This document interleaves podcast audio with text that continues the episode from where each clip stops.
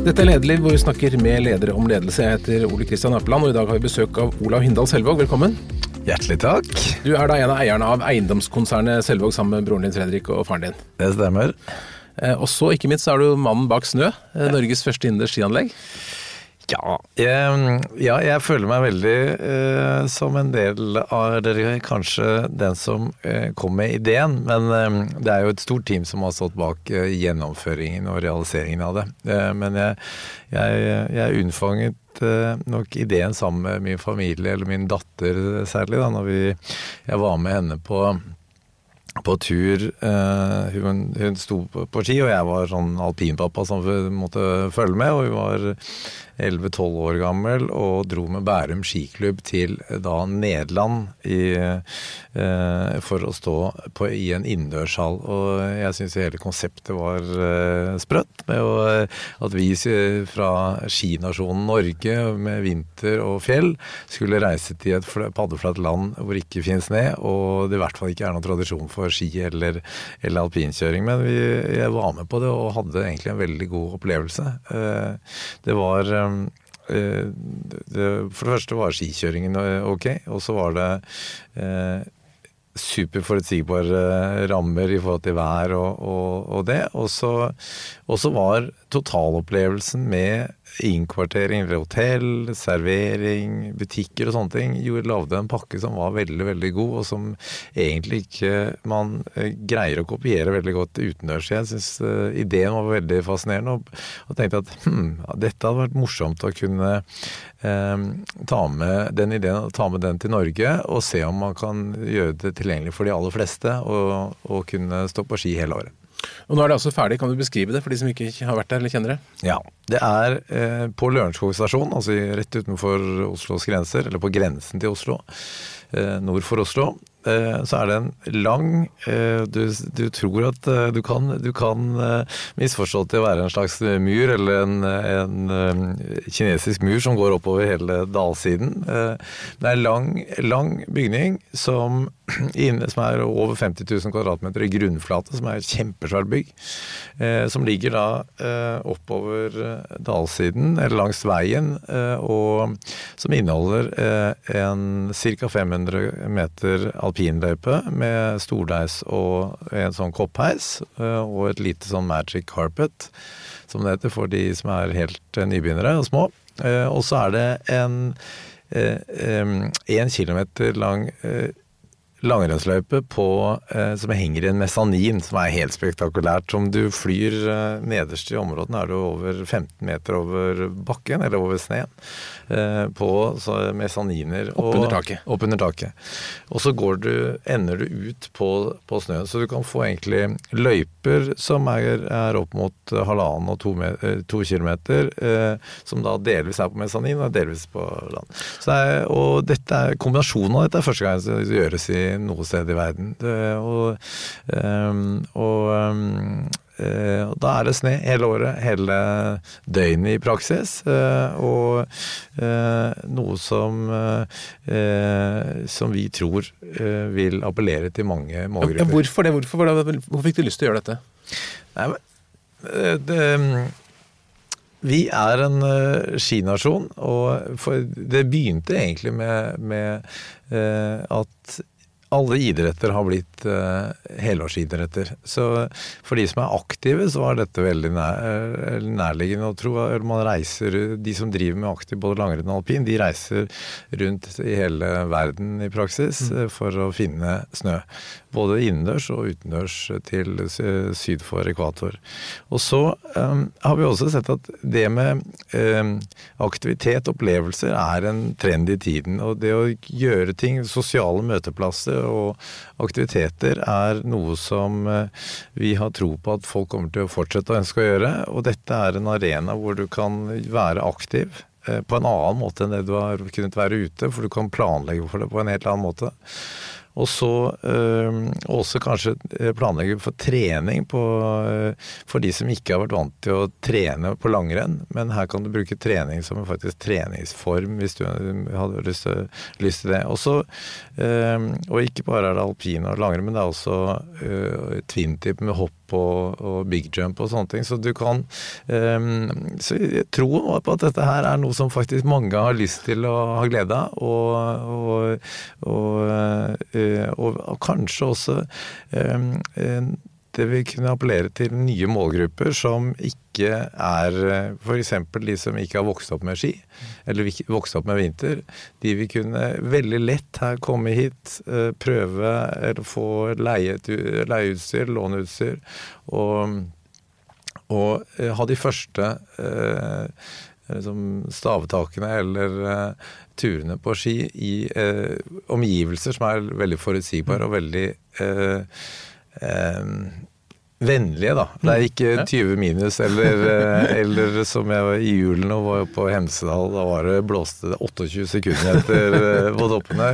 Her er det vindstille og samme temperatur hver dag. Spennende. Men dere bygger ikke bare skihallen, det er mye rundt òg? Ja, det er et kjempestort by, byutviklingsprosjekt, egentlig. Så det blir, så det er, I tillegg til uh, skihallen, så er det jo butikker og restauranter, særlig rettet mot sport, og masse serveringstilbud.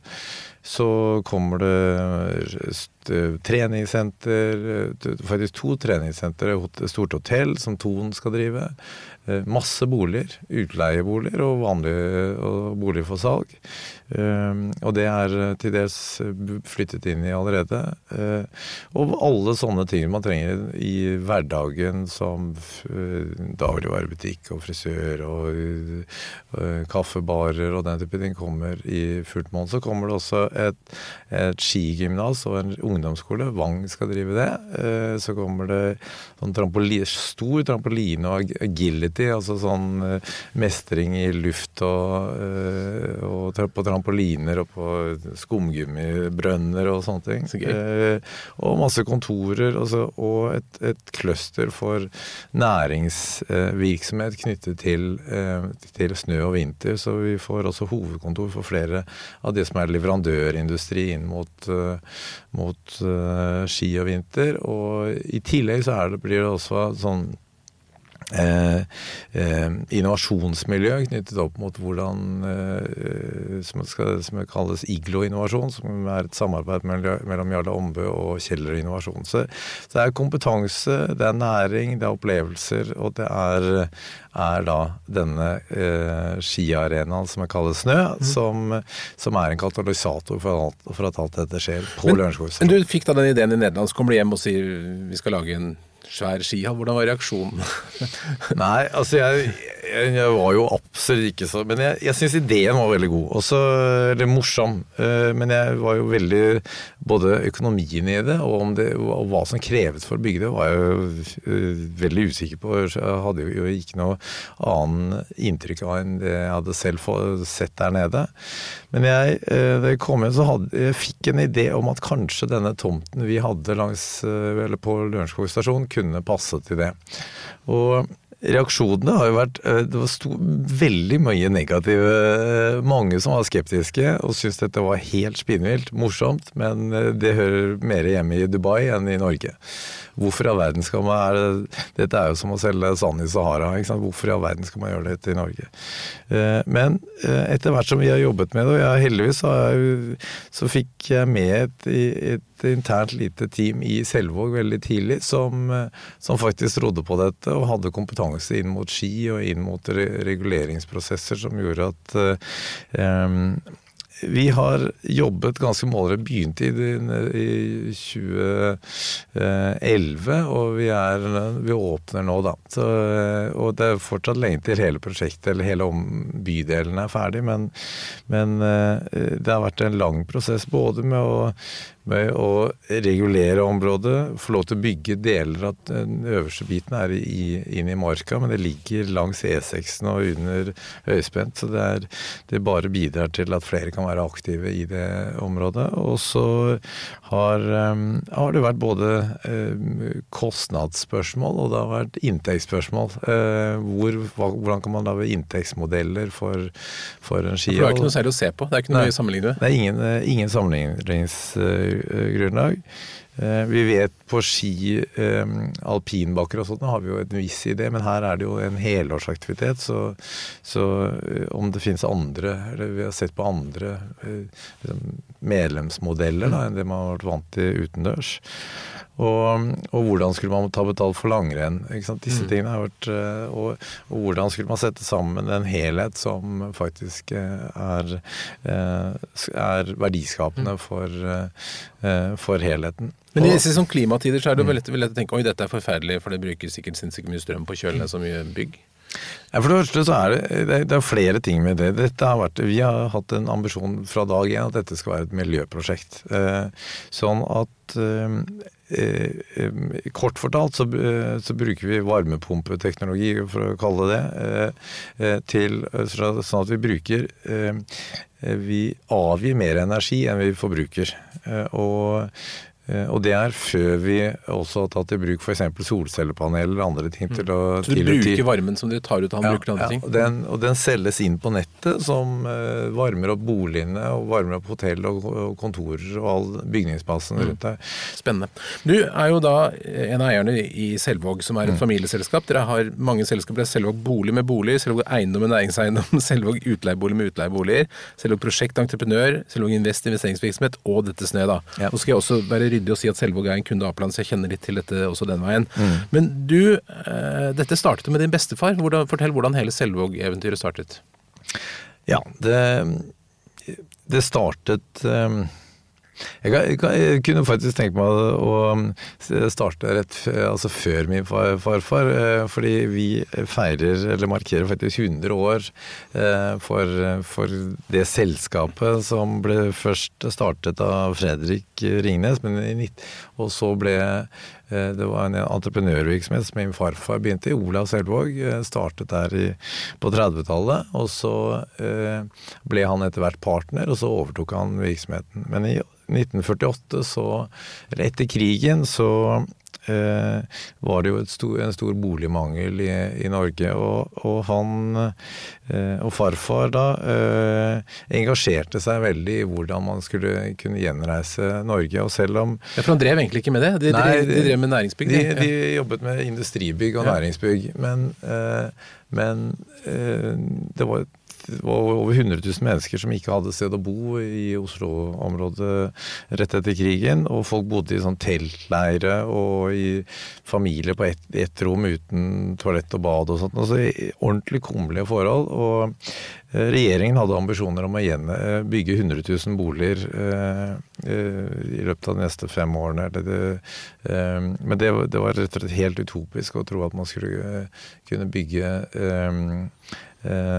i den takten som var ambisjonen. Og da sa da, da presenterte farfar eh, eh, en helt ny måte å bygge på, eh, som egentlig så bort fra dagens, eller da, datidens eh, byggeforskrifter og, og, lovverk, og sa at vi må bygge basert på ingeniørberegninger og nye, eh, moderne byggemetoder.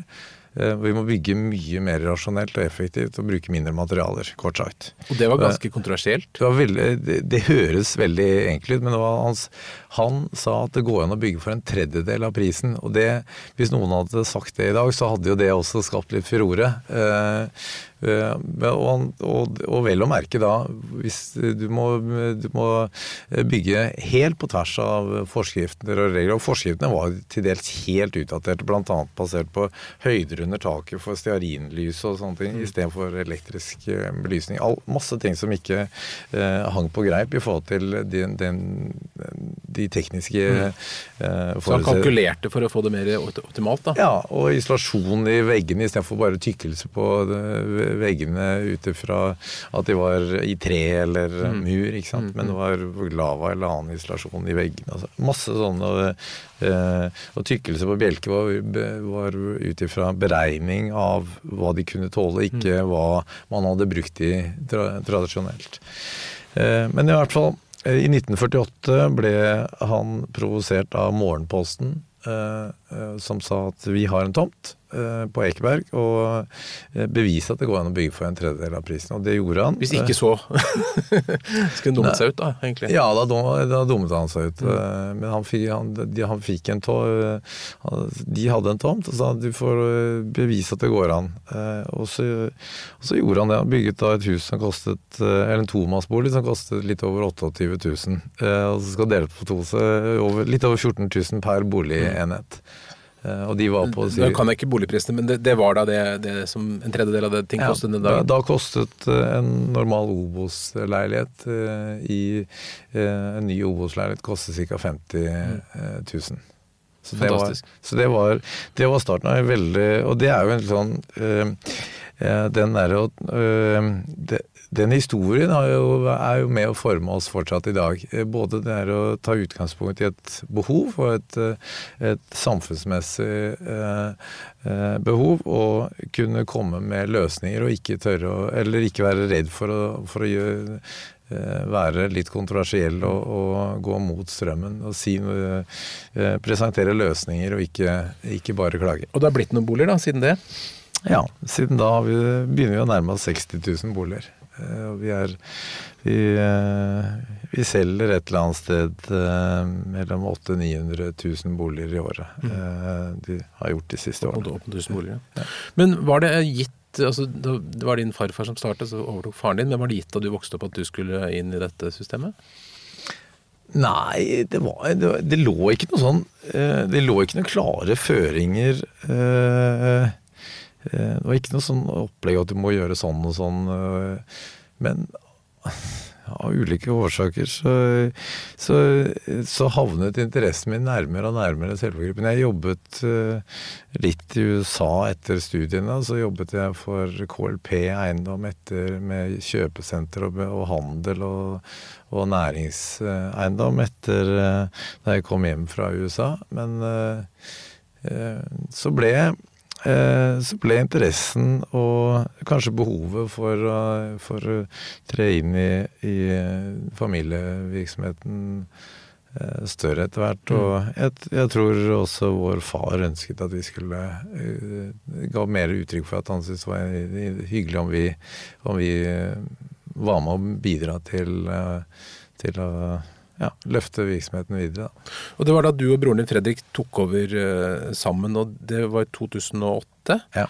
Ikke den enkleste tiden sånn finansielt i verden? Nei, vi hadde, da hadde vi For det første var um, Nei, det var kjempetøft. Ja, vi hadde finanskrise uh, som, var, som ble vanskelig for oss. Fordi vi hadde både en entreprenør da, Selvårbygg, som som rett og slett ikke hadde oppdrag. Så vi hadde, vi hadde en kombinasjon av noen veldig uheldige prosjekter og lite å gjøre. Eh, fordi det ble ikke satt i gang. Vi solgte, eh, vi solgte jo knapt nok boliger eh, i et par år. Fra 2007 til 2009 var det bare var liksom, Vi hadde redusert salg til en hel brøkdel av det vi hadde mm. tidligere. Det som gjorde at entreprenøren ikke hadde noe å gjøre. Vi kom ikke i gang med nye prosjekter prosjekter. Og, og, i tillegg så hadde vi ganske mange eh, hadde vi da ganske mange satsinger som ikke både i utlandet med, med, industri og teknologiprosjekter som, som, var spredt litt rundt omkring, og som var, som var, veldig kostbare. Og så hadde vi eiendomssatsing i Baltikum og Polen og sånt, og, og, og, og, faktisk også en del i USA. Så vi, vi, vi var spredt over mange, mange land, og vi hadde eh, satsinger innenfor industrier og diversifisering som var egentlig mye Og så var det midt i en kjempeutbygging på Tjuvholmen. Ja, så, og, så Tjuvholmen var, var, et stort kjempeprosjekt. Eh, og så sleit så rant det ut eh, mange steder. Og vi hadde, så hadde vi mye gjeld eh, på det tidspunktet også. Så var vi, 2008 var et eh, vanskelig år. Så hva, hva, Hvilke grep har du og broren din da gjort etter, på, ja, på de årene siden mm. det? Nei, det, Vi la en plan egentlig da, i 2008 hvor vi, vi sa at vi skal, vi skal, fokusere. Vi skal konsentrere oss om det vi eh, er gode på, og som i kort fortalt kan man si er eiendom og eh, Norge, og egentlig spesielt eh, Store-Oslo. Så vi skal, vi skal kutte til alle aktiviteter som ikke har egentlig relasjon til en eller annen relasjon til eiendom, og det, det markedsforståelsen vi har i Oslo-området. Oslo og så, um, og så skal vi ha bort gjelden på toppen. Vi skal flytte finansiering og, og, og gjeld ned til de operative virksomhetene hvor, hvor, som, som, må betjene det selv. Så solgte dere selve liksom, kjernen? Altså det å bygge boligen? Mm. Ja, vi, delte, jo, vi gjorde jo et, egentlig noe, mange, mange, ting. Da vi, vi eh, delte Selvågbygg eh, i to. Eh, ene var, som ble, ble igjen, var entreprenøren. Eh, og den, eh, altså den, de som bygger. Og så den andre biten av det var et byggherre, tomtebank, mm. med, med, med, en byggherreorganisasjon som vi slo sammen med bl.a. Selvåg Pluss, som drev med plussboliger, og mm. som fortsatt er en del av Selvåg bolig i dag. Vi slo, slo, sammen noen av de byggherremiljøene våre. og Eh, og, og, så solgte entreprenøren. Ja. Eh, og satte med et børsnotert uh, Ja, så børsnoterte, børsnoterte vi etter hvert av Selvåg bolig, altså byggherremiljøet vårt. Det børsnoterte vi i 2012. Og det var omtrent da vi endte opp med å selge også entreprenøren Selvåg Bygg. Mm. Har det vært et bra grep? Det har egentlig vært veldig veldig bra. Det, det, det, har fungert både finansielt godt, men også operasjonelt. Både det ble selv og bygg entreprenøren vår kom inn i, ble en del av Betongmast, og vi var med som eier der i en del år. og det var vi fikk en fin reise på å være med som eier og utvikler av Betongmast. Og så har jo Selvåg bolig vært en ordentlig eventyr på på, på, egentlig siden det ble, ble etablert, og, og, også fungert godt på, godt på, mm. børsen siden 2012. Så, det, så vi er egentlig veldig fornøyd med den, den utviklingen. Men det som jeg oppfatter som, som noe av liksom kjernen for, for, gruppen eller konsernet som helhet, da, det er jo utvikling av områder. Altså Dere bygde ut Tjuvholmen, og dere har Løren i Oslo, dere har Jon Brygge i Drammen, dere er engasjert i Fornebu, og der er det gjerne sånn elementer med det er mange ting. Det er boliger, butikker, museum eller akvarium eller, ja, eller noe sånt. Hva er oppskriften på å lage et godt bymiljø? Ja, det er bare en eh, skyte inn at vi har selvfølgelig hatt eh, partnere på Tjuvholmen og, og, Union, som er Aspelin Rams. Mm. Eh, og er, vi jobber jo gjerne med partnere på store, komplekse prosjekter eller, eller satsinger, så det, det For det er partnere på skihallen òg? Ja. Eh, der har vi partnere som, som Kanika, Baumann Invest, OPF og eh, Lørenskog pensjonskasse og Malling. Så det er litt, eh, litt flere partnere, mm. men hvor, hvor Selvåg er største aksjonær på mm. med 39% Hvordan lager man et kult område? Nei, det er Det, det er Det er det avhenger jo litt av stedet. Mm. Eh, og, eh, men det begynner jo med en sånn idé. Mm. Eh, en, en, en, sånn en, en, tanke om å gi et område en, en ordentlig identitet. Eh, eh, så hvis man sier Hvis vi tar utgangspunkt i Tjuvholmen, så var ideen der å lage en en bydel som var attraktiv for de som bodde der, men eh, like mye en, en, bydel som hele Oslos befolkning ville ha, føle stolthet av å besøke. Mm. Eh, og vi er jo interessert i kunst, eh, så vi kanskje kommer litt tilbake til etterpå. Men, men eh, for oss var det veldig naturlig å tenke skal vi lage en, en attraksjon som også bidrar til å, at andre mennesker kommer til bydelen Tjuvholmen, så, så må vi ha et tyngdepunkt rundt det. Og da både et museum, en park eller en skulpturpark og, og arkitektur kombinasjonen av disse, eh, disse, eh, disse tingene eh, utgjorde da en identitet eller en profil rundt Tjuvholmen som, som, som, var gjennomgående i utviklingen av det mm. prosjektet. På samme måte har Løren der tok vi jo utgangspunkt i en park og en Kanonhallen og en idé om å lage en, en tematisk eh, skulpturvandring med, med, utgangspunkt i Per Gynt-skuespillet.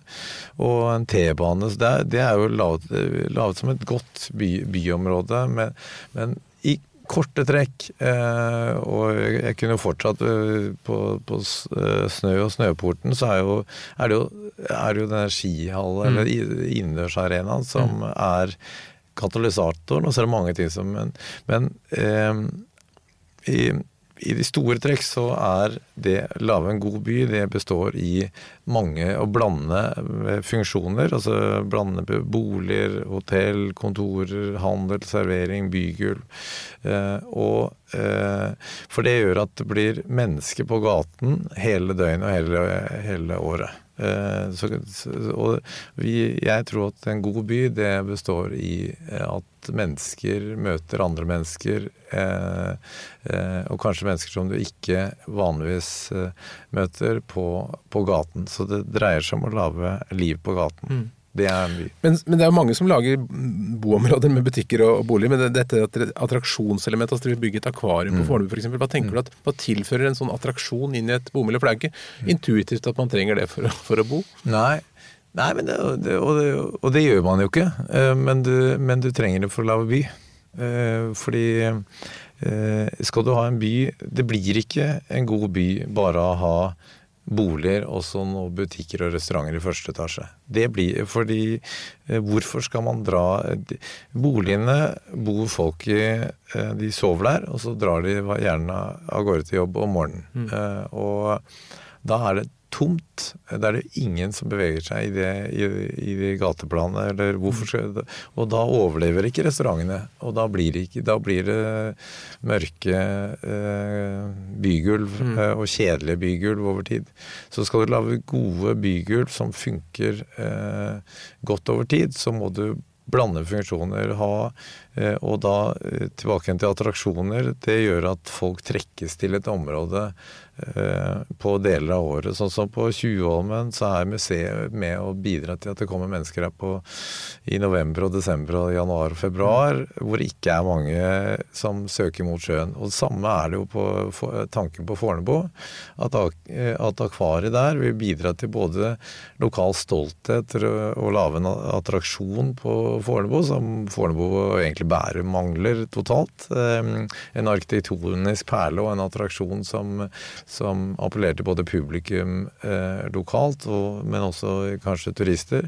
Men det bidrar til å lage eh, menneskestrøm og, og, publikumsaktivitet på gateplan som gjør at eh, serveringsstedet kan overleve hele året. Eh, og andre servicetilbud kan overleve eh, også i de tidene hvor folk ikke naturlig eh, søker mot sjøen. Så det, mm. så det er, så det er en, eh, en, fin sammensetning av funksjoner eh, som gjør at eh, den ene lever av den andre. Eh, boligene er, eh, bidrar til at serveringsstedene overlever, men det gjør også kontorene, det gjør attraksjonene. Det, og, og, og disse, alle disse ønsker å være et sted hvor det er serveringssteder, eller det er opplevelsestilbud, eller det er servicetilbud. Mm. Så, det er, så, det er, det å, å, ha en føling på hvilke ting er det som kan bidra til å lage en, en, en mer attraktiv helhet. da. Tidligere så har du vært administrerende i noen av selskapene deres, men nå er du altså da litt styreleder og eier og sitter med et helt sånn lite orkester av selskaper. Hvordan tenker du, Er det en, eh, en god måte å være Det, det mye, mye handler egentlig om å bygge broer da, mellom mm. ulike selskaper? Ja. Um, hvis spørsmålet er om jeg trives, trives i jobben min nå, eller om jeg trives mer om å være, være operativ leder. Mm. Det er ikke noe tydelig spørsmål, egentlig, men, men, det er litt annen måte å jobbe på. Ja, eh, og eh, ja, jeg trives, trives, godt i denne rollen. Og det, det, fine med denne rollen jeg har nå, er at jeg er litt mer eh, Litt friere, da. Til, til, å kunne jobbe med flere virksomheter og kan prioritere tiden min litt avhengig av behov de forskjellige stedene. Men jeg trives jo også veldig godt med å eh, være eh, operativ leder, eller være operativ og jobbe med Jeg trives veldig godt med å jobbe med eh, i den idéfasen rundt prosjekter, f.eks. Og jeg trives godt med å jobbe sammen med mennesker. Så, så det er det er ikke et klart uh, ja, men det er jo, jo, jeg trives godt i den rollen. Ja, men når du, da, når du, da, har en idé da med å lage ja. Norges første innendørs vinterarena, ja. hva slags mennesker er det du ser etter? Altså, hva slags team er det du plukker da? Nei, Det er jo det er et godt spørsmål. For dette, hvem er det? det? det? er jo noe man ikke har laget før. Men vi, tilfeldighetene hadde seg sånn at vi eh, i, i Selvåg så jobbet en som het Kjetil, som, var, som var, er veldig ivrig alpinist og driver med hadde, og, og, har et kjempenettverk inn mot uh, alpinmiljø. Så hadde vi en, en erfaren eh, tidligere styreleder på Tjuvholmen, Steinar, som eh, hadde kunne mye om reguleringsarbeid og politiske prosesser. Og, den, eh, og så hadde vi eh, en som hadde jobbet med Eh, prosjektering og bygge, eh, byggeoppfølging på, på Tjuvholmen, Lars. Eh, og, og, så hadde vi Morten som jobbet med finans. Det var, det, det var, det var et team fra Selvåg mm. som tilfeldigheten hadde seg sånn at de var De kunne begynne å bruke litt tid på å se om dette bidra til å, å utrede om dette lot seg gjøre. Mm. Og, så, så, nevnte du i stad at det var ikke alle rundt dere som da var så veldig entusiastiske. Hvordan, mm. Hva gjør det med dere når dere liksom kommer med 'her er vår store idé', og så mm. ja, møter en kald altså, skulder? Ja, ja, Vi har både hatt uh, uh, Vi har hatt absolutt noen uh, hete diskusjoner, og det har vært høy temperatur knyttet til dette prosjektet flere ganger. For det er, det er, det er jo en risiko å stikke ut huet og, og, og, gjøre dette. Og det har ikke vært noe lett. Finansielt har dette vært veldig komplisert, fordi du, det å lage kommersielle modeller som det går an å lage eh, eh, finansiell eh, modell som banker og medieinvestorer skal tro på. Det, det er, det er kjempegodt. Det koster ganske mye penger å lage ja, Den første fasen som vi eh, ferdigstiller nå, det, det har en kostnadsramme på ca. en milliard. Uh, og og eh, det er, det er, litt sånn tryllekunst, eh, det å få eh, lave Synliggjøre verdier som gjør at bankene, som er veldig konservative, vil, vil være med på dette.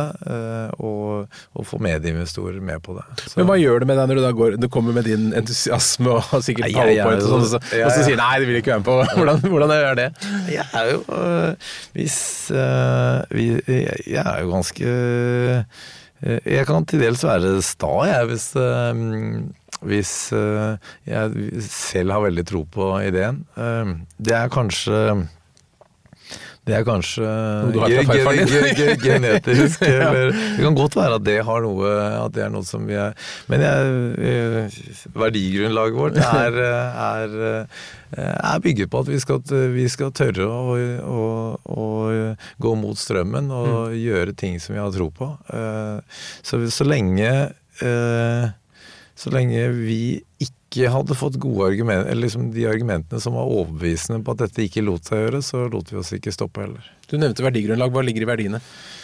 Nei, altså vi, øh, Fredrik og jeg, siden vi overtok i 2008, så har vi øh, jobbet med dette. Men det har egentlig vært noe som har vært øh, vært med oss eh, helt fra farfars tid, men vår, vår far uh, har, vært, uh, har, har, vært, veldig bevisst og liksom formulert dette, og, og, vi har lagt inn egen, eller ny og litt mer moderne ordspråk. Men, men vårt, vårt, verdigrunnlag er viktig i forhold til hvordan vi skal oppføre oss, at vi skal være til å stole på. At vi, at vi faktisk uh, syns det er morsommere å bidra til samfunnet enn bare bare å skape business. Så, vi, så det ligger som en bærebjelke hos oss at vi skal ta hensyn til, eh, til eh, omgivelsene og, og eh, prøve å finne eh, behov i samfunnet som vi kan bidra til å løse, og gjennom det også skape business. Eh, men hovedverdigrunnlaget vårt er bygd på to, to hovedstolper. Det er omtanke og skaperkraft. Og i omtanke så ligger det alt som har med alt fra miljøet og samfunnet rundt oss. Og i skaperkraft ligger det bl.a. det å, det å gjennomføre djerve prosjekter eller skape noe som er nytt og mm. bidrar til at uh, verden blir litt bedre. Men nå er det jo da ingen som vet hvordan det er å drive ski innendørs skianlegg i Norge. Hva, hva gjør du hvis det ikke kommer noen folk?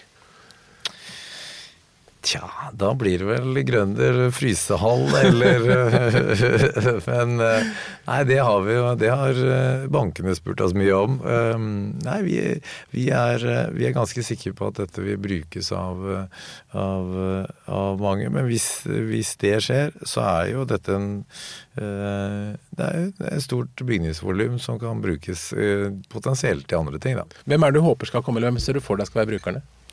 Nei, jeg tror Jeg håper det er alle mulige slags mennesker. Jeg tror det, jeg håper det er eh, familie som har lyst til å finne på noe i, en, i helgen, på samme måte som man ellers ville kanskje dratt på Tusenfryd eller på Risenga bad. Eh, jeg håper det er aktive både alpinister eh, og langrennsløpere fra, fra, de, fra de unge aldre til, til, de som er på landslaget. Jeg håper vi har masse bedrifter og, og Eh, og, og, og, konferansegjester og den type ting. Jeg håper vi har cruiseturister og, og, og, folk som besøker Norge og har lyst til å se hva i all verden er hva, er hva, hva, er den norske kulturen. Jeg håper det er nye landsmenn som eh, Eller folk som, som ikke har vokst opp med ski, som, eh, som har lyst til å prøve ski, og, ikke, og har lyst til å prøve det i sikre og gode omgivelser. Altså all, hele rekka av Jeg håper det egentlig appellerer til de aller fleste. Ser du for deg at dette er noe som kan spre seg over hele landet? At vi får akkurat som vi har kunstgress overalt, så får vi nå skihaller? Kanskje. Det kan godt tenkes at det er flere som Jeg vet at det er vet du, noen som sysler med det, men jeg tror ikke det er Det er ikke lett. Og som sagt så er det finansielt ganske krevende, kommersielt ganske krevende. Så jeg, jeg tror ikke det er så veldig Jeg ville i hvert fall ikke bygget dette andre steder. Eh, jeg er helt sikker på at skulle man få, skal man gjøre dette på helt privat basis som dette er. Dette, det er ikke en krone fra det offentlige. Eh, skal man gjøre dette på kommersiell, privat basis, så må det være et sted hvor det er stort eh, eh kundegrunnlag eller grunnlag i, i lokalmiljøet. Mm.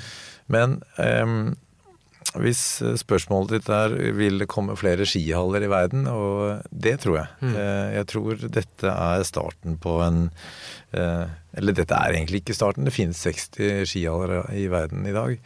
Eh, det åpnet akkurat en ny rett utenfor i New Jersey, i, rett utenfor New York. Eh, Kina, der skal de jo ha OL om et par år, og der er de jo eller til neste år. Og de har jo veldig ambisjoner rundt mm. der, Så at, at man i i verden kommer til å ha eh, mer og mer skihaller. Og i dag er det jo nesten ikke mulig å tenke seg utendørs hockeyhaller.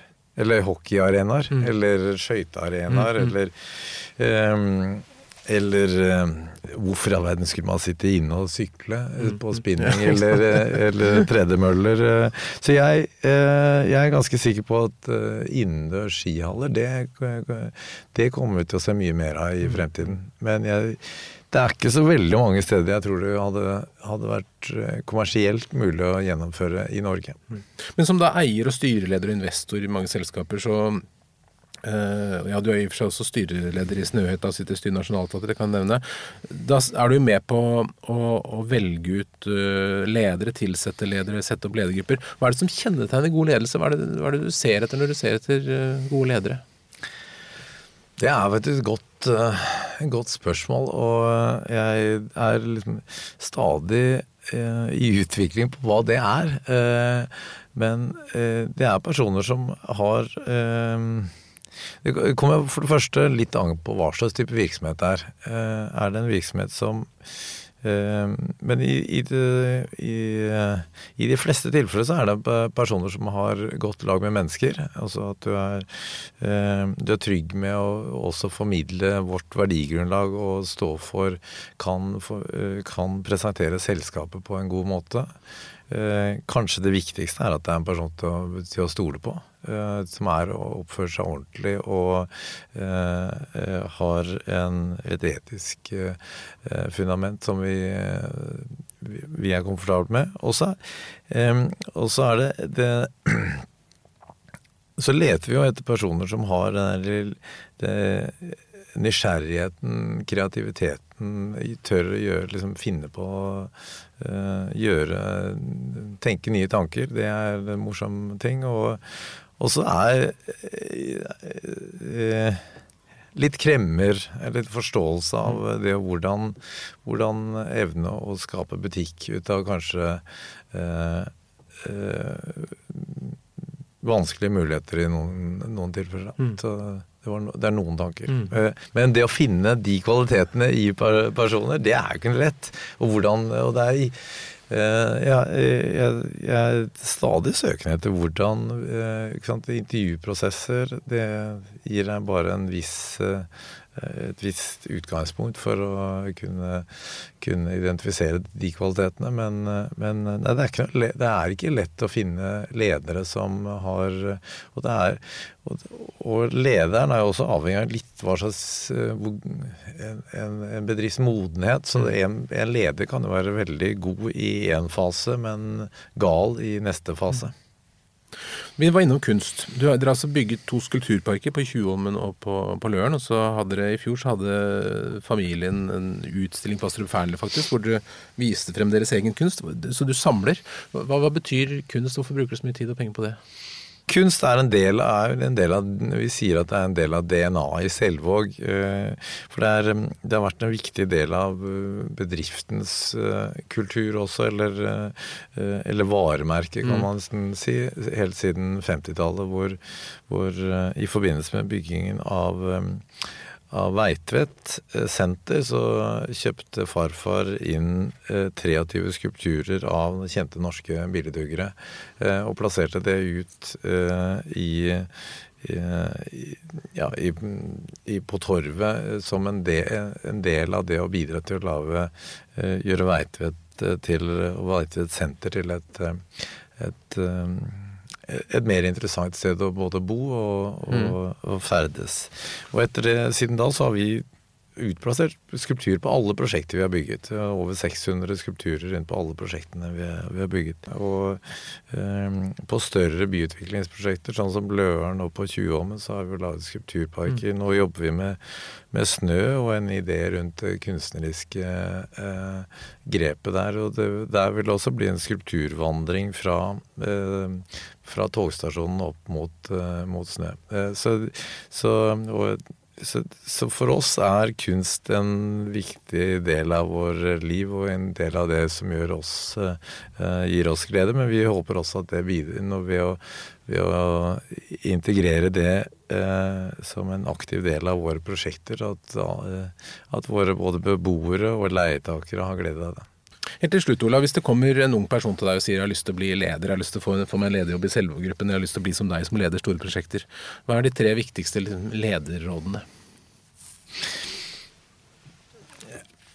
Ja, jeg hadde vel um, Jeg, syns uh, Jeg var innom det. Jeg syns uh, du bør være Særlig hvis du er ung, så bør du være, nysgjerrig. Liksom se være opptatt av hva som rører seg rundt deg. Eh, men nysgjerrighet er en av de kvalitetene jeg syns eh, er veldig viktig i en leder og, og en medarbeider. Eh, så det hadde også hadde anbefalt personen å være tørre å gjøre litt sånn utradisjonelle valg. Se, liksom gjøre gå litt mot strømmen eller lete etter muligheter andre steder og, og lære mest mulig. Eh, og, og, så Og så er det ikke å ikke gi seg. Stå på. Det, det er kanskje det uh, være som kanskje snø og, og skiene. Det, det, er hvis en god idé. Det kan, kan godt være, kan være verdt å, å, kjempe for eller jobbe for, selv om det er, møter motstand. Ola Selvåg, tusen takk for at du kom til Lederliv. Lederliv er en podkast fra Apeland. Redaksjonen består av Ellen Paulsen, Lars Jarle Melum, Lars Volden og meg, som heter Ole Kristian Apeland. Hvis du vil høre mer, så trykk abonner. Da får du varsel når det kommer nye episoder. Og hvis du har noen tips, så send en e-post til tips at eller til meg, ole.apeland.no. Takk for at du lytter.